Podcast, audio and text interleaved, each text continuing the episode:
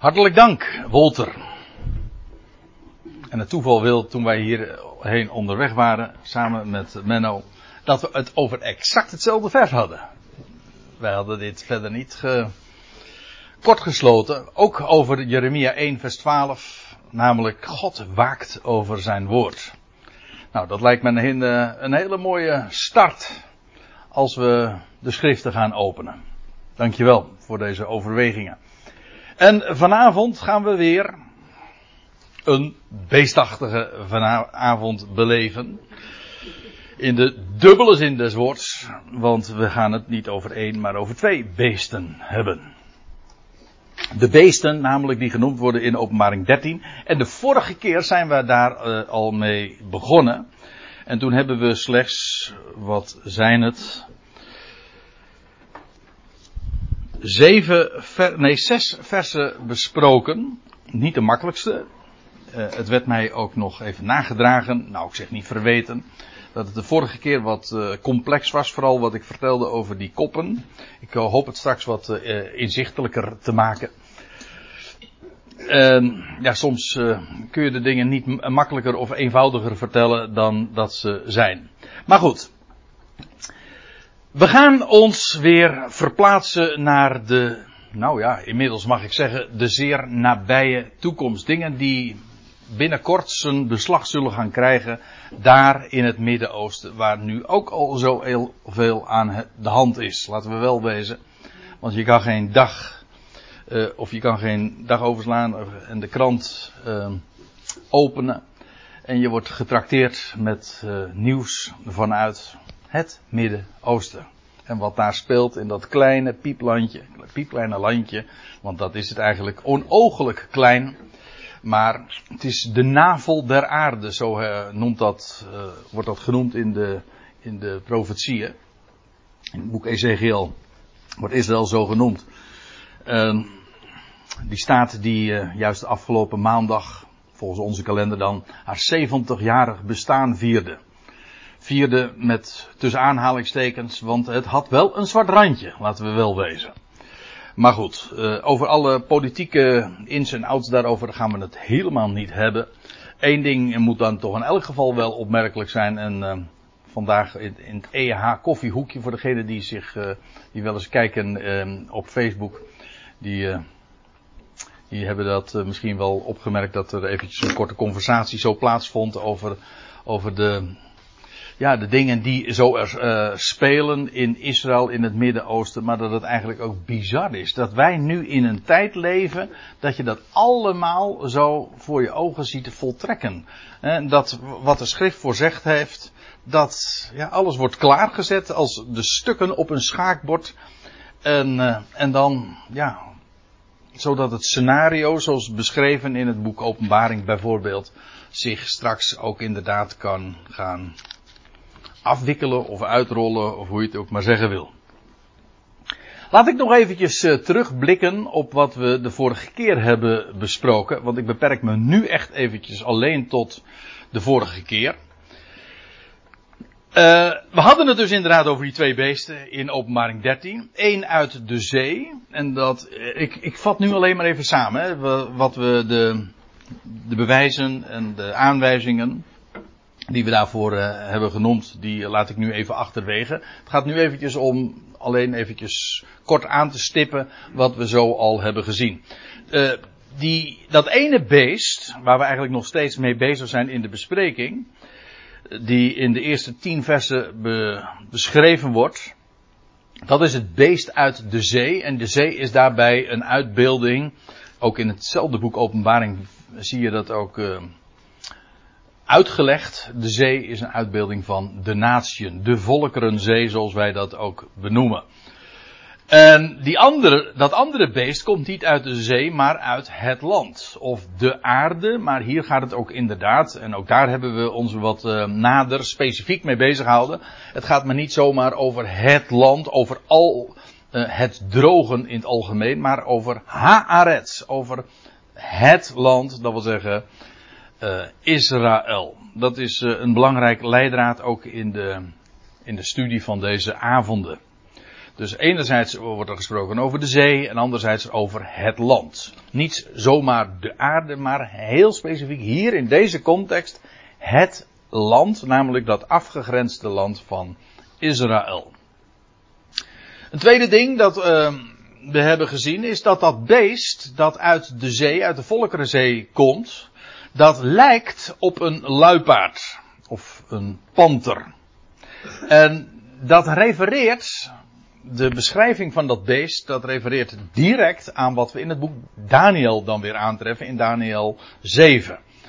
Waar Daniel ook uit de zee vier dieren, wilde dieren, beesten ziet komen. En, nou ja, de beschrijving uh, komt voor in hoge mate overeen. En eigenlijk is die, dat beest uit de zee in openbaring 13 een soort van compositie uh, van het die beesten uit openbaar, pardon, uit Daniel 7.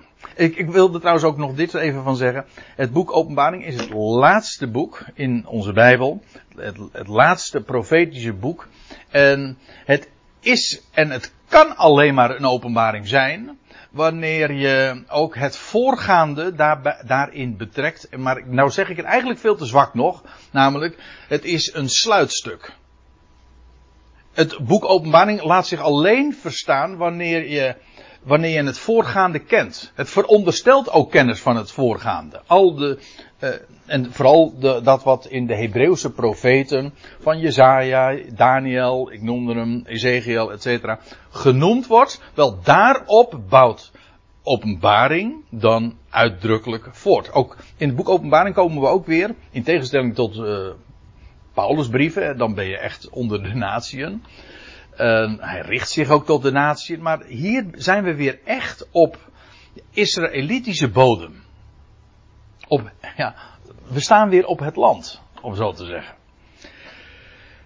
En ja, die kennis, die, uh, die is buitengewoon belangrijk dat je die, uh, dat je altijd daarin schrift met schrift vergelijkt. Dat is altijd van belang. Maar het boek Openbaring bouwt helemaal voort op dat wat de profeten hebben gesproken. Trouwens ook op wat de Heer Jezus naar voren heeft gebracht. Hè, als een profeet uh, op, de, op de Olijfberg toen hij zijn bekende uh, reden heeft uitgesproken over de laatste dingen zoals dat dan heette. Waar we ons het voorgaande seizoen uh, mee hebben bezig gehouden. Afijn, dat beest uit de zee, dat, dat lijkt op een luipaard. En dat is daar een aanduiding van het Griekse Rijk. En, maar tevens, zegt uh, Johannes, het heeft ook de eigenschappen van een leeuw. Dat de muil van een leeuw, een hele grote muil, hè, dat hebben we toen al vastgesteld. En dat blijkt ook later wel in de, in de beschrijving. En, maar dat daarentegen weer de, de poten van een beer. Hoe dat precies zit, waarom de poten van de beer en de, de muil van een leeuw, nou dat laatste lijkt me niet zo moeilijk, maar waarom de poten van die beer, dat weet ik op het, uh, dit moment eigenlijk nog niet zo. Ik uh, hou me zeer aanbevolen voor iemand die daar echt wat meer licht op heeft, maar uh, dat, dat komt hopelijk allemaal nog eens een keer. Maar in ieder geval, één ding is duidelijk, het wordt vergeleken met, een, met het Griekse Rijk, maar het heeft ook de eigenschappen van het van het Babylonische Rijk, maar ook van het Medo-Persische Rijk. En het is gewoon een rijk dat weer ook hetzelfde terrein zal bestrijken. Niet in Europa moet het worden gelokaliseerd, al helemaal niet in Amerika, maar in het Midden-Oosten, waar ooit het Babylonische Rijk gevestigd was en zijn centrum had. Trouwens, al die rijken, dat moet ik er ook nog bij zeggen, al die rijken, uh, koninkrijken bedoel ik, uh, die hadden, of die beesten, of uh, nou ja, zoals ze dan beschreven worden, hadden allemaal als hoofdstad Babel. Babylonisch Rijk, dat is nogal wie dus, maar ook het Medo-Persische Rijk, Babel als hoofdstad. En toen kreeg je Alexander de Grote, en die maakte ook Babel tot hoofdstad. Daar is die trouwens ook overleden. Maar ook dat vierde koninkrijk, wat nog toekomstig is, zal ook weer Babel als hoofdstad hebben.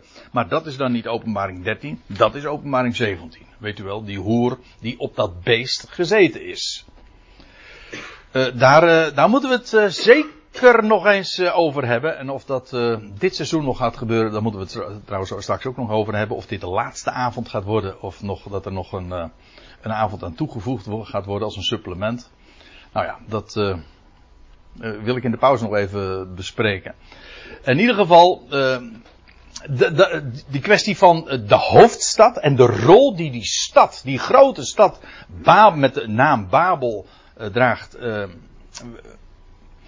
Uh, wat daar allemaal mee aan de hand is, dat is nu niet het onderwerp. Maar het is wel van belang dat al die rijken Babel daar aan de Uifraat tot hoofdstad hadden.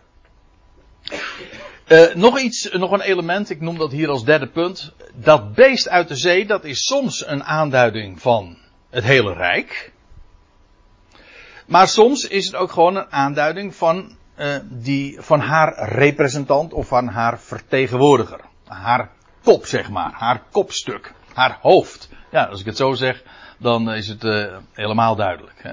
Als, je, als, uh, als ik mijn, mijn, uh, mijn hoofd laat zien op, het paspoort, op mijn paspoort, weet je wel, dan zie je André. Gewoon dat, het, dat hoofd, dat, die kop, vertegenwoordigt het geheel. Dat is hier ook het geval. Dat lijkt soms even verwarrend, omdat soms is dat beest inderdaad het hele rijk met die zeven koppen. En soms, in vers 3 bijvoorbeeld van dit uh, hoofdstuk, dan zie je dat het, uh, dat, dat beest die specifieke kop is. Dat kopstuk. Ja. Nou, laat ik het nog even reconstrueren. Zo, samenvatten, ook in verband met die zeven koppen, wat zo complex was de vorige keer, weet u nog. Nou, laat ik uh, laten we het eventjes dan zo samenvatten. Dat beest uit de zee, dat is een rijk in het Midden-Oosten. Groot wereldrijk. En we hebben daarvan gezien, vijf kopstukken daar in dat rijk zullen vallen. Maar één blijft. Dus dat is nummer zes. Maar die, dat kop, die kop, dat kopstuk, uh, dat uh, treft een dodelijke aanslag. Dat is buitengewoon belangrijk, want dat speelt een grote rol in zijn hele opkomst. Uh, hij hij uh, ondergaat een. Hij krijgt een, ja, te maken met een, een dodelijke aanslag. Dus, dus, hoe staat het er? Ja, als een dode gewond. er worden verschillende aanduidingen voor gegeven. Maar in ieder geval, hij wordt dodelijk getroffen. Dan wordt hij vervolgens kort opgevolgd. Die is maar, eh, dat is nummer 7. Die is maar korte tijd. Wat gebeurt er namelijk? Nummer 6, dat kopstuk, die een aanslag krijgt, uh, of treft, die wordt wonderbaar, uh, totdat uh, kopstuk nummer 6 wonderbaarlijk hersteld. En die neemt het roer dan weer over. Dat betekent dus dat hij uit, ja, ik, zeg, ik vat het nu even dus samen, want hij is namelijk uit de zeven. Dat was het ingewikkelde. Hij was uit de zeven, maar zelf is hij de achtste. Nou, dat komt, dat heeft te maken met het feit dat een van die kopstukken dodelijk getroffen wordt, maar hersteld. Dus hij was nummer zes, maar aangezien hij dodelijk getroffen wordt, wordt, maakt hij plaats voor nummer 7, maar dat is maar heel kort. Want wat gebeurt er? Die, die, die dodelijke kop, die herstelt zich van die dodelijke wond. Of die daadwerkelijk gestorven is, uh, doodgegaan is en werkelijk opstaat en uh, herleeft. Dat weet ik even niet. Uh, er zijn teksten die suggereren dat hij geneest. dus herstelt. Of dat hij daadwerkelijk inderdaad herleeft. maar in ieder geval tegen alle verwachtingen in. En juist in dat herstel uh, ja, dat, dat, uh, dat uh, zal voor zorgen voor een enorme zinsbegoocheling. Juist dan zal hij zich gaan presenteren. Dan begint eigenlijk ook zijn beestachtige verschijning, want dan gaat hij zich ook zetten in de tempel. Maar daar gaan we het ook nog over hebben. Het leuke van zo'n zo'n zo'n serie Bijbelstudies, zoals we nou de laatste seizoenen eigenlijk al hier hebben gedaan, nou het leuke, maar het spannende, is dat we uh, ook wel frappant, want iedere keer dingen die we al veel eerder hebben gezien over die gruwel van verwoesting, die, waarvan, waarvan de Heer Jezus al op de bergreden, in tijdens zijn bergreden heeft gesproken. Wel, uh, op een andere manier kom je dat dan weer tegen als je in Paulus brieven leest over die mens der wetteloosheid die zich zet in de tempel. Maar je komt het ook weer tegen in openbaring 13. En dat bedoel ik nou precies hoe uh, dit boek als sluitstuk van de hele schrift, maar dus ook sluitstuk van de Bijbelse profetie, uh, refereert aan, maar vooral ook gebaseerd is op alles wat de Hebreeuwse profeten naar voren hebben gebracht. Uh, er is trouwens nog iets uh, eigenaardigs aan de hand, want die zeven koppen, nou ja, daar heb ik het nu over gehad. en dat, die nummer uit die zeven die dan wonderbaarlijk herstelt en die daarmee de achtste is. Wel, dat Rijk vormt bovendien ook nog een, een, een alliantie met tien andere koningen. In, in, feitelijk wordt het uitgebreider beschreven in het boek Daniel, Daniel 7. Daar wordt ook gesproken over, over die koppen en wat daar zelf. Er zijn ook nog bijzondere dingen mee aan de hand. Dat, doen we nu, dat laten we nu even liggen. Maar het is feitelijk, dat laatste rijk is dus eigenlijk ook een federatie. Van een, een verbond van verschillende, een tiental koningen met een elfde. En die elfde is eigenlijk de, die achtste kop. Maar ik geef toe, wat ik nu zeg, dat is, daarmee maak ik het ook weer niet makkelijker. En dan wat vooral de focus, uh, waar de focus op ligt in, deze, in dit gedeelte, maar iedere keer in de profetie, dat is op, die, op een specifieke periode, namelijk van 3,5 jaar. Of 42 maanden Zoals dat hier in openbaring 13 wordt benoemd. 42 maanden lang uh, krijgt dat beest. Hier bedoel ik dus inderdaad die, die kop. Hè, die, die zo wonderbaarlijk is hersteld. Van zijn dodelijke wond. Uh, daardoor krijgt hij een, een idolate support vanuit het land. Ook dat hebben we gezien in vers. Uh, wat was het? vers 4. En idolaat, dat bedoel ik nu dus heel letterlijk. Idolaat, u weet, daar zit het woordje idool in, idol, en dat is een afgod. En feitelijk wat daar gebeurt is een idolatry, hè, zeggen ze in het Engels. Een afgodische toestand die zich daar dan voltrekken, zal voltrekken. Want dat, uh, die, die machtige man daar, uit, daar in dat Midden-Oosten, ja, wat voor figuur dat zal zijn. Ik kan we kunnen hem nog niet aanwijzen op dit moment wie het is. Nog niet. Uh, maar hij zal zich dus gaan ontpoppen. Hij zal. Ja, wat zal zijn identiteit zijn? We, er is. Uh, onlangs hadden we. vorige week of twee weken geleden daar nog een gesprekje over. Over wie nou. Eh, wat voor nationaliteit hij nou zou moeten hebben. om werkelijk. het Midden-Oosten samen te binden. Zeg maar die. En toen overwogen we, dit is eventjes, ja ik zeg off the record, dat is, niet dat is natuurlijk niet waar, want ik neem dit gewoon allemaal keurig op. Maar uh, toen werd er zo gesuggereerd van, dat moet wel een Palestijn zijn, want dat is de enige die inderdaad de, de, die Arabische wereld die tot op het bot verdeeld is, uh, kan verenigen. Een soort Goliath, zeg maar. Hey. dat, dat overwogen we toen ook. Dat is eigenaardig, want dan krijg je dus eigenlijk weer in de eindtijd een confrontatie tussen David, de zoon van David, en die machtige Filistijn, uh, Goliath, die getroffen zal worden door de steen. Ja, en daardoor gevloerd zal worden. Trouwens, die, uh, kijk het maar eens na in, wat is het, 1 Samuel 17. Dat als die geschiedenis beschreven wordt van Goliath, die getroffen wordt, die wordt ook eh, gekenmerkt door allemaal zes, hè?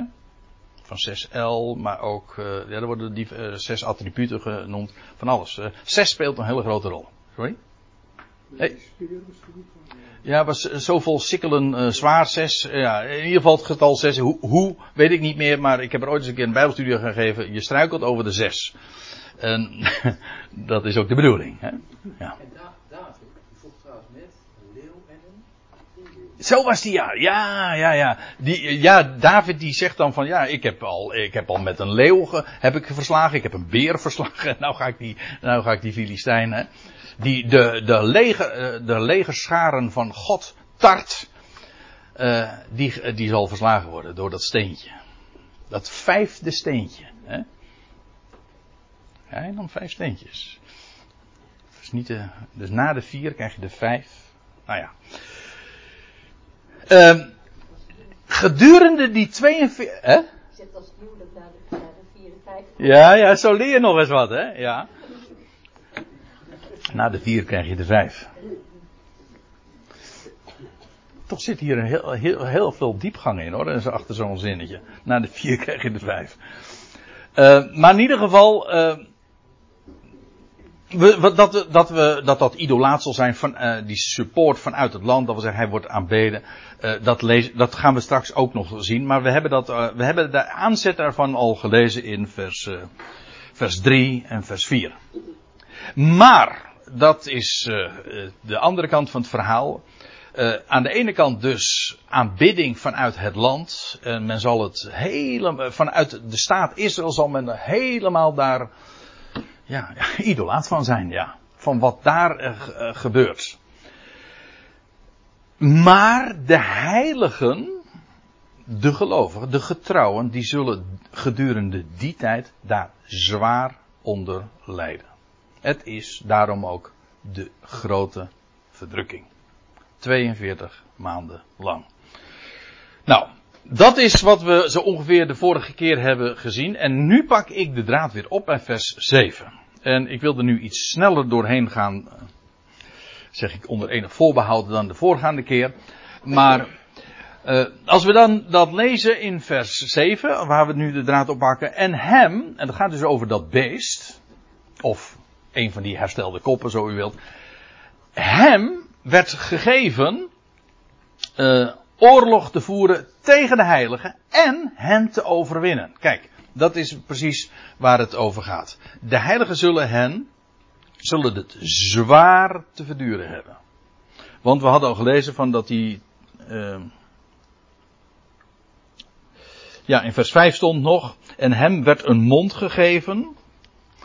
Hem werd een mond gegeven, namelijk door de draak. Uh, grote grote woorden en godslasteringen te spreken. En hem werd macht gegeven, volmacht gegeven, dit 42 maanden lang te doen. En hem, nou, nou vers 7, en hem werd gegeven oorlog te voeren tegen de heiligen. Dat zie je ook in Daniel 7. Vrijwel gelijke uitdrukkingen. En ook hen te overwinnen. Dus niet alleen een oorlog daartegen te voeren, maar hen ook dus te overwinnen. Nou, dan ben je, dan word je dus echt door de beesten vertrapt. Door het beest vertrapt.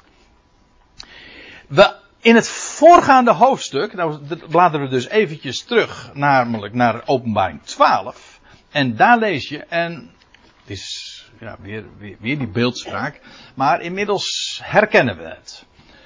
Want dan staat er, en de draak die werd toornig op de vrouw. Weet u nog? Die, die vrouw die ooit uh, die mannelijke zoon baarde. Kijk, toen waren wij in beeld. En die weggerukt werd plotseling tot God en zijn troon. Nou, dat waren de eerste avonden van dit seizoen. Werd weggerukt tot God en zijn troon. En dan lees je. Uh, dat die vrouw vervolgens vlucht naar de woestijn waar zij een, uh, een onderduikadres dan vindt. En daar wordt ze ook bewaard. Dan wordt niet de, de tijdstermijn genoemd 42 maanden. Maar er wordt de termijn genoemd 1260 dagen. Maar het is, het is dezelfde periode natuurlijk. Alleen het wordt niet genoemd naar maanden, maar naar dagen. Niet genoemd naar de maan, maar genoemd naar de zon. Ik geloof dat ik de vorige keer er al even op gewezen heb. Die vrouw is daar veilig. In de woestijn. Want de draak kan daar niet komen. Die wordt verschrikkelijk toornig. Die wil die vrouw treffen. Want als, als de gemeente zal, worden, zal zijn weggerukt, dan gaat de, ja, dan zal de, de, de, de vrouw gaan vluchten naar de woestijn. Dat is dan ook, daar is gigantische haast bij geboden. Ook daar komen we straks nog even op terug. Zij krijgt daar een, een onderduikadres. 1206 dagen wordt ze bewaard. Maar, degenen die niet tijdig gevlucht zijn, die blijven dus in het land achter. En die zullen een grote verdrukking meemaken. Degenen die in de woestijn zijn, zijn veilig en worden daar bewaakt en bewaard.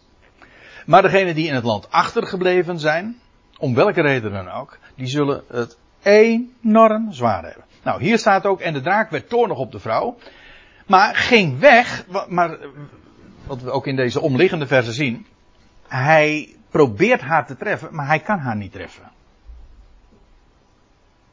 Heel wonderlijk, maar zo, zo wordt dat beschreven.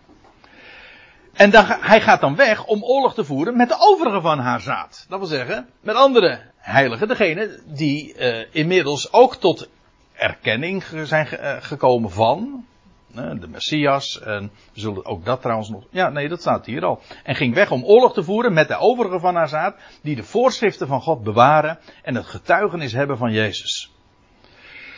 En hier gaat het dus heel uitdrukkelijk ook over diezelfde groep als die hier ook genoemd wordt in openbaring 13 vers 7. Hem werd gegeven oorlog te voeren tegen de heiligen. Dat is hetzelfde als die draak die uh, nu niet die vrouw treft die in het woestijn is, maar die in de, degene die in het land zijn overgebleven. En er blijft niemand daar levend over. Zo zwaar is die verdrukking. Van de heilige, uh, of ze worden weggevoerd, ook dat zullen we straks trouwens nog zien, of ze komen inderdaad om. Uh, nou, dat hoef ik nu verder niet eigenlijk zo uit te duiden, want, of en, en verder uh, aan te wijzen, want we zullen dat straks ook nog wel zien. Dus de vrouw heeft een veilig onderkomen gevonden in de woestijn. Meer speciaal Bosra, daar bij Petra. Maar de getrouwen die niet tijdig gevlucht zijn en nog in het land verkeren, die zullen afschuwelijk verdrukt worden. En hem, ik ga nu verder op Mark 13 vers 7, en hem werd autoriteit gegeven over elke stam en volk en taal en natie. Hier zie je dus inderdaad dat we te maken hebben met een heerschappij die de proporties heeft van een wereldregering. Natuurlijk, het is een alliantie dan van tien uh, andere koninkrijken, van tien andere koningen. Maar het geeft leiding hè, en autoriteit uh, over alle naties. Zo staat het hier. Dus weliswaar is dat rijk gevestigd in het Midden-Oosten, maar de rijkwijde van haar, haar, uh, haar heerschappij is strekt veel verder, is sterker nog, is gewoon wereldwijd en is universeel. Als je tenminste dit letterlijk moet nemen. En waarom? Ik zou zeggen, het staat er gewoon. Dus uh, waarom zou je dat anders uh, lezen? En allen die op het land wonen, hier heb je het weer. En we blijven eventjes consequent. Uh, het gaan alle die op het land, namelijk Haaretz, meer specifiek Israël. Alle die op het land wonen, die zullen hem aanbidden. Dat, wauw, wat is dit? Ook straks zal ik uh, in vers 14 en 15, ik heb niet voor niks een uitroeptekentje even bijgezet, zal ik laten zien dat het hier inderdaad gaat over degenen die in het land uh, zich bevinden. Dus niet gewoon uh, over heel de aarde, maar specifiek het land. En alle die op het land wonen zullen hem aanbidden, van wie de naam niet is geschreven in de boekrol van het leven van het lammetje. Geschreven in, het, in de boekrol. Dat wordt nog eens een keer uh, uh, benoemd in de Bijbel. Maar laten we eventjes bij het onderwerp blijven. Waar herkennen we het vooral vanuit de profeten van? Wie helpt mij? Uh, nou, ik bedoel Daniel 12. Daniel 12 vers 1. Daar staat dit. En in die tijd zal Michael, de aartsengel, weet wel hè.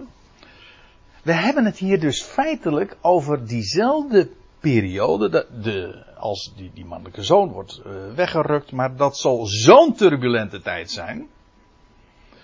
Want het zal ook diezelfde tijd zijn dat die, dat, dat die, uh, dat beest uh, zich herstelt of getroffen zal worden. In die periode. Hoe, uh, hoe, exact de volgorde zal zijn, zeg maar, in, qua data, weet ik niet. Maar in ieder geval, in die tijd zal dat spelen. Michael zal ook opstaan. Weet je nog, dat was het teken van de aartsengel. In die tijd zal Michael opstaan, de grote vorst die de zonen van uw volk terzijde staat. Dat is de aartsengel, de enige aartsengel die de schrift eigenlijk kent. Die zal opstaan en hij zal de zonen van Daniels volk terzijde staan. En er zal, zegt uh, Daniel erbij, er zal een tijd zijn van benauwdheid, zoals die niet geweest is vanaf dat de natie bestaat. Het staat eigenlijk in het enkelvoud, dus ik neem het hier, um, het gaat hier over Israël. Vanaf de tijd dat de natie bestaat. Dus dit, van alle verschrikkelijke perioden die Israël heeft meegemaakt, zal dit de allerheftigste zijn. Nou, dat wil wat zeggen, want Israël heeft al heel wat zwarte bladzijden gehad. En, en ik bedoel, uh, als we de hele geschiedenis daar even bij betrekken, heel recentelijk nog in de 20e eeuw, maar dit zal de meest afschuwelijke tijd zijn. Maar in die tijd zal uw volk ontsnappen, al wie in de boekrol geschreven wordt bevonden. Kijk, er zal een, uw volk zal ontsnappen. En dat is die vrouw. Die vlucht in de woestijn. Die zal met recht ontvluchten, ontsnappen. Hoe staat het er in de MBG-vertaling? Eh, ontkomen. Oh ja. Ja, die, vindt, die, die ontkomt met recht. En ja, zij staan in de boekrol geschreven. Dat zijn degenen die dus, zoals ik zojuist al even beschreef, uh, die tijdig gevlucht zijn naar de woestijn. Dat is dan heel, heel belangrijk. En zo niet, als je niet tijd op tijd bent, dan, ja, dan kopt, dan, ja, dat is, uh, dat is dramatisch dus, met recht. Opmerkelijk is dat de, de heiligen die hier beschreven worden, die, uh, hun naam staat geschreven in de boekrol. En hier wordt gezegd, het is de, de naam is geschreven in de boekrol van het leven, van het lammetje. Dat geslacht, uh, ja, er staat er nog bij, dat geslacht is. Vanaf werelds nederwerping. Goh. Uh, nu even. Uh, dit is een beetje, dit is een, technisch, taaltechnisch is dit een lastige kwestie. Want wat is nou, waar slaat vanaf werelds nederwerping nou op? Op dat lam dat geslacht is? Zou kunnen. Hoewel je dan natuurlijk de vraag dan krijgt van, maar is het lam dan al geslacht vanaf de nederwerping van de wereld? Ja, nou ja, je kan zeggen, in Gods raad stond dat al vast en was dat al een feit en was dat al zo beschreven. Maar eh, ik heb redenen om aan te nemen dat dat vanaf werelds nederwerping niet slaat op dat uh, lammetje dat geslacht is, maar op de, de, dat geschreven zijn van de boekrol.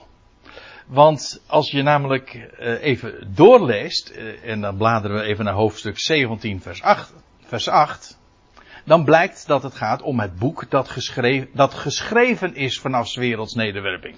En nou, ik neem u even meteen mee, want ik laat de bonnetjes ook graag zien.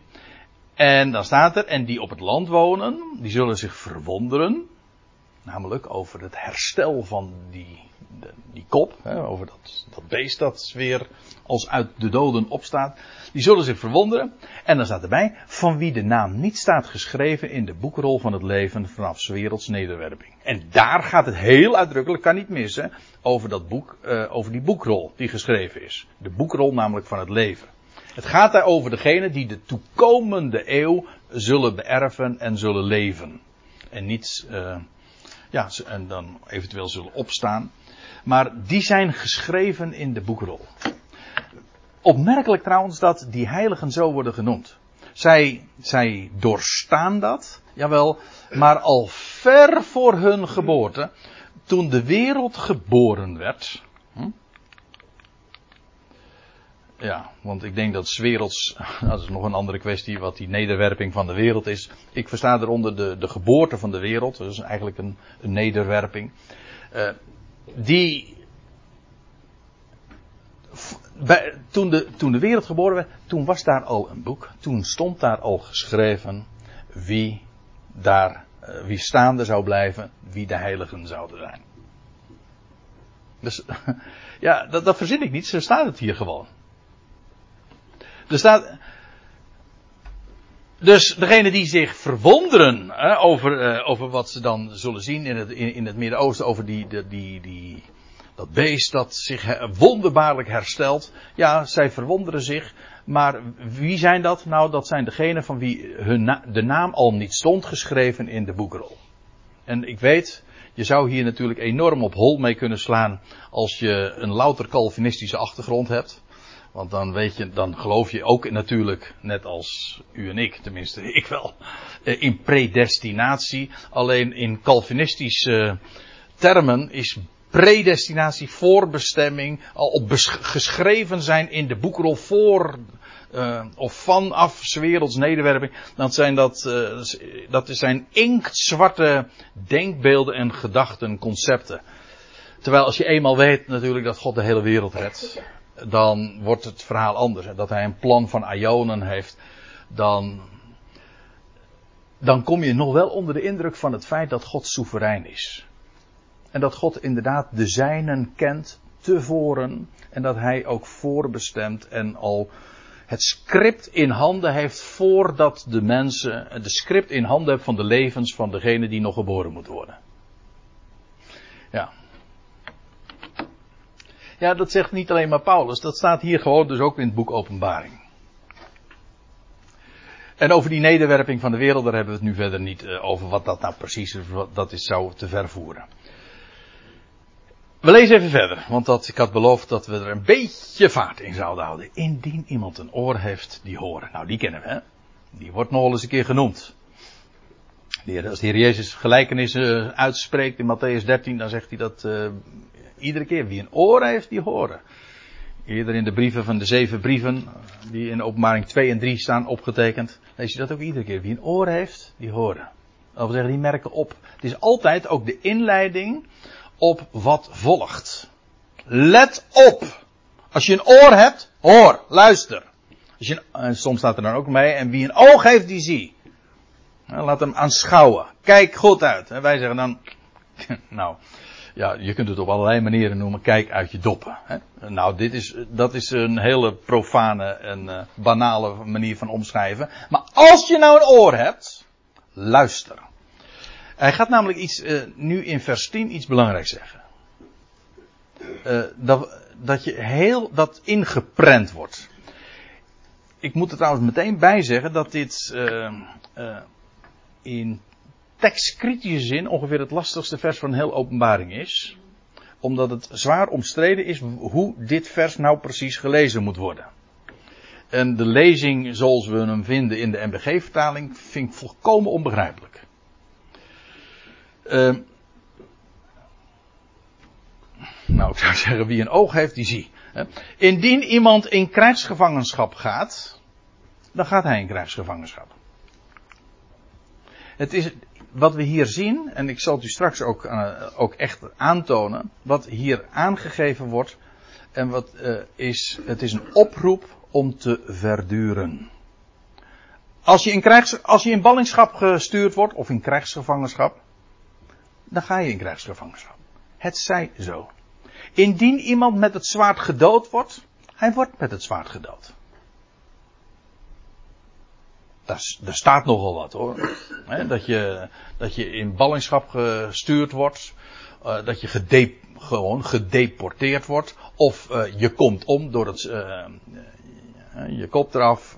je wordt gedood. Hier wordt gezegd. Hij wordt met het zwaard gedood. Kijk, en dat is het grote verschil, want die vrouw die in de woestijn is, die heeft dat probleem niet. Die wordt bewaard en bewaakt en gevoed. Die heeft ook helemaal geen economisch probleem. Die, kan, uh, die hoeft zelfs niet eens te kopen en te verkopen. Die krijgt gewoon brood uit de hemel. Alsjeblieft. Net zoals Israël dat ooit in de woestijn eerder heeft beleefd. Maar degenen die achtergebleven zijn in het land, de heiligen, de overigen van haar zaad,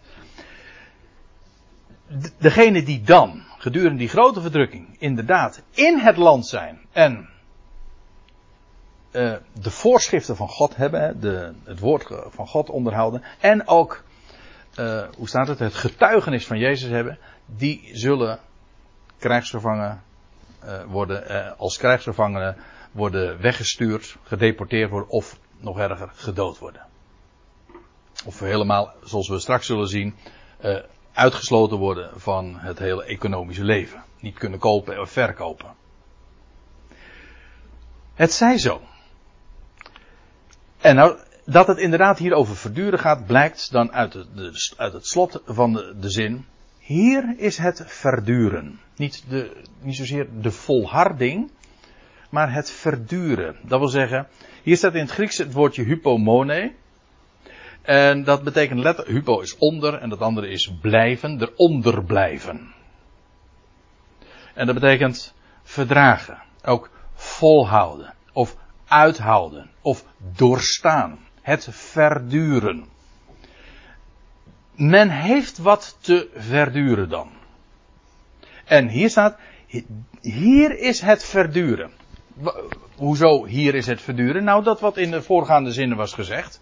Als je gedeporteerd wordt, of, of je wordt inderdaad gedood. Ja, maar het, ik, dus, ik refereer nu aan uh, Daniel 11, waar staat, maar het volk dat zijn God kent, zal grote daden doen. En die zal ook, en zal hier, zal dit ook verdragen. Zij weten, dit is ons lot, maar ze weten ook waarom. Het is ook het geloof van de heiligen. De heiligen, hè? degene die apart, eh, die met recht ook straks een hele aparte positie zullen innemen. Want de grote meute in het land zal allemaal idolaat het beest navolgen. We zullen straks ook zien hoe dat vorm gaat krijgen. En degene die daar zich in onderscheiden, apart zich opstellen, heiligen dus, letterlijk heiligen, want dat is wat heilig betekent, wel die hebben geloof. Eh, geloof, dat wil zeggen vertrouwen. Ze kennen, ze kennen de schriften, ze weten het. Ze weten wat hen te wachten stond, eh, staat. Maar ze weten ook hoe het gaat aflopen. En dan kun je ook verduren. Dat is de kracht die ze zullen, zullen daarin zullen krijgen, waardoor ze het ook kunnen doorstaan. Ze hebben het vertrouwen. Ja, en dat maakt, uh, dat maakt alle verschil. Als je, als je Hem kent, als je het Woord kent, de enorme kracht, ja, dat geeft je inderdaad het kracht, de kracht om, om vol te houden en te doorstaan en, te blij, en eronder te blijven. Ik zeg niet dat het makkelijk is. U denkt toch niet dat dit makkelijk is, hè? Nee, maar onmogelijk is het niet. Waarom niet? Wel, het vertrouwen op die God en het vertrouwen op het woord dat men zal hebben en zal kennen. En dat zal hen inderdaad, uh, uh, dat zal ervoor zorgen dat ze eronder blijven.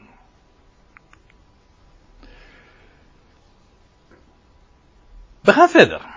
In mijn Bijbel begint hier ook een nieuw gedeelte. Dat is heel terecht, hè, want in de eerste tien versen uh, wordt beschreven het beest dat uit de zee komt. En dan vanaf vers 11 tot aan het einde gaat het over het beest uit de aarde of het beest uit het land. Laten we daar nu verder mee uh, gaan.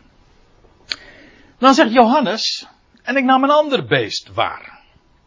Alsof dat eerste beest nog niet genoeg was. Hè? Maar met dat verschil, hij kwam vanuit het land op. Niet vanuit de natie, maar vanuit het land. En het had twee horens. En wat daar en zo eigenaardig is, het lijkt op het lammetje. Hey, het is een beest. Het komt ook uit het land. Dat wil zeggen, het is gekoppeld ge aan of gerelateerd aan het land Israël. En het lijkt in bepaalde opzichten dus op het lammetje. Maar dat is ook maar schijn. Uh, want het sprak als een draak. Dus het lijkt voor het oog uh, op het lammetje, de Messias. Maar in werkelijkheid is het een draak. Hè? Hoe zeggen ze dat? Een wolf in schaapsklederen. Maar goed, zoiets. Dat idee.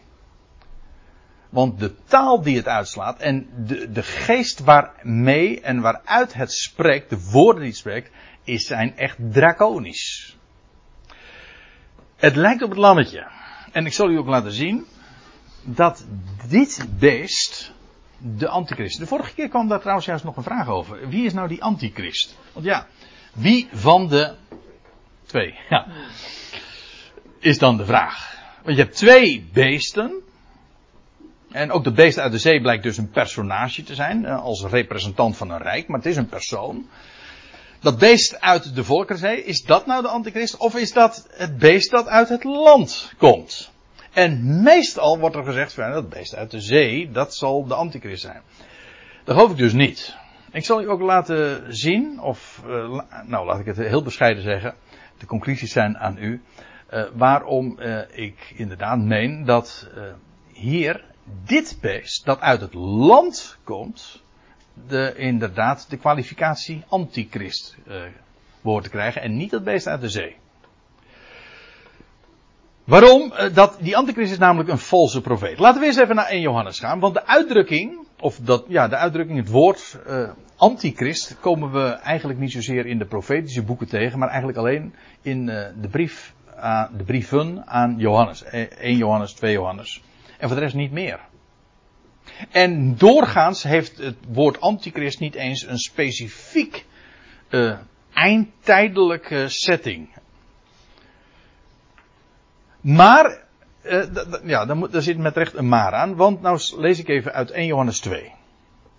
Zoals jullie, schrijft Johannes als apostel van de besnijderis, zoals jullie horen dat een antichrist komende is. Aha, dat, dat wist men dus. In die zin is het dus toch wel, daarmee nuanceer ik wat ik zojuist zei, uh, ook voor de lezers van Johannes brieven was het duidelijk, er komt straks, TCT, een antichrist. Maar, zegt hij, zoals jullie horen dat een antichrist komende is, ook nu zijn vele antichristen opgetreden. Aha, dus zo uitzonderlijk is het dus ook niet, want er waren er vele. Waaraan wij weten dat het een laatste uur is, schreef Johannes toen al. Niet de laatste uur, er staat geen bepaald lidwoord, dat het een laatste uur is. Ik wijs even op dit vers omdat hier ook wordt aangegeven eh, dat een antichrist uh, is niet exclusief een uitdrukking voor één iemand. Want er zijn vele antichristen. Maar niettemin, er zal één er uh, in de toekomende tijd, zegt Johannes, er uitspringen. Er komt een antichrist. En nou, nou, dan is dus de grote vraag, als we het hebben over die antichrist die gaat komen, wie is dat dan? Nou, ik ga nu even verder. Oh, wacht even, dat is een fout. Dat is niet 1 Johannes 2, maar dat moet 1 Johannes 4 zijn. En dan, schrijft Johannes dit. Geliefden, vertrouwt niet iedere geest, maar beproeft de geesten. Totst hen. Of zij uit God zijn, want vele valse profeten zijn in de wereld uitgegaan. En dan sla ik één vers over. En dan staat er in vers 3. En iedere geest die Jezus niet beleidt. Op een specifieke manier, maar dat doet nu even niet de zaak. Het gaat even om de, om de identificatie van die antichrist. Iedere geest die Jezus niet beleidt, is niet uit God. En dit is de geest van de antichrist, waarvan jullie gehoord hebben dat hij komen zal. En hij is nu reeds in de wereld. Die hij, dat is niet de antichrist, maar dat is die geest van de antichrist. Dus, waarom wijs ik hier even op? Hier wordt gesproken over valse profeten. En hier wordt uh, ge, eh, aangegeven, nou die valse profeet, dat zijn antichristen. Aha, maar dat is van belang. Want nu hebben we een ander aanknopingspunt. Want de valse profeet komen we. De, de term antichrist komen we in het boek Openbaring niet tegen, maar valse profeet wel. En dan neem ik u even mee naar Openbaring 19. Ja, ja. We, we bladeren zo wat. En dan staat er in vers 20 dit. En dat is uiteindelijk de afloop. Hoe het, uh, ja, dat is openbaring 19. De, uh, hoe het zal aflopen. En het beest werd gegrepen. En dan gaat het inderdaad over het beest uit de zee. En met hem de valse profeet. Die de tekenen voor zijn ogen gedaan had, waarvoor, waardoor hij hen verleidde, die het merkteken van het beest ontvangen hadden en die zijn beeld aanbaden. Dit gaan we straks uh, na de pauze lezen. Hier, wat ik hiermee wil zeggen is, je hebt dus aan de ene kant is daar het beest. Aan de andere kant is daar dat andere beest dat uit het land komt, maar die heeft nog een andere naam, namelijk de valse profeet. En een valse profeet, dat is de antichrist. Dat is de gelijkstelling die Johannes maakt. Een valse profeet, dat is een antichrist. Er blijkt uit trouwens uh, nog iets, en dat is dat hij uit het land komt. Het is gewoon dus een Jood.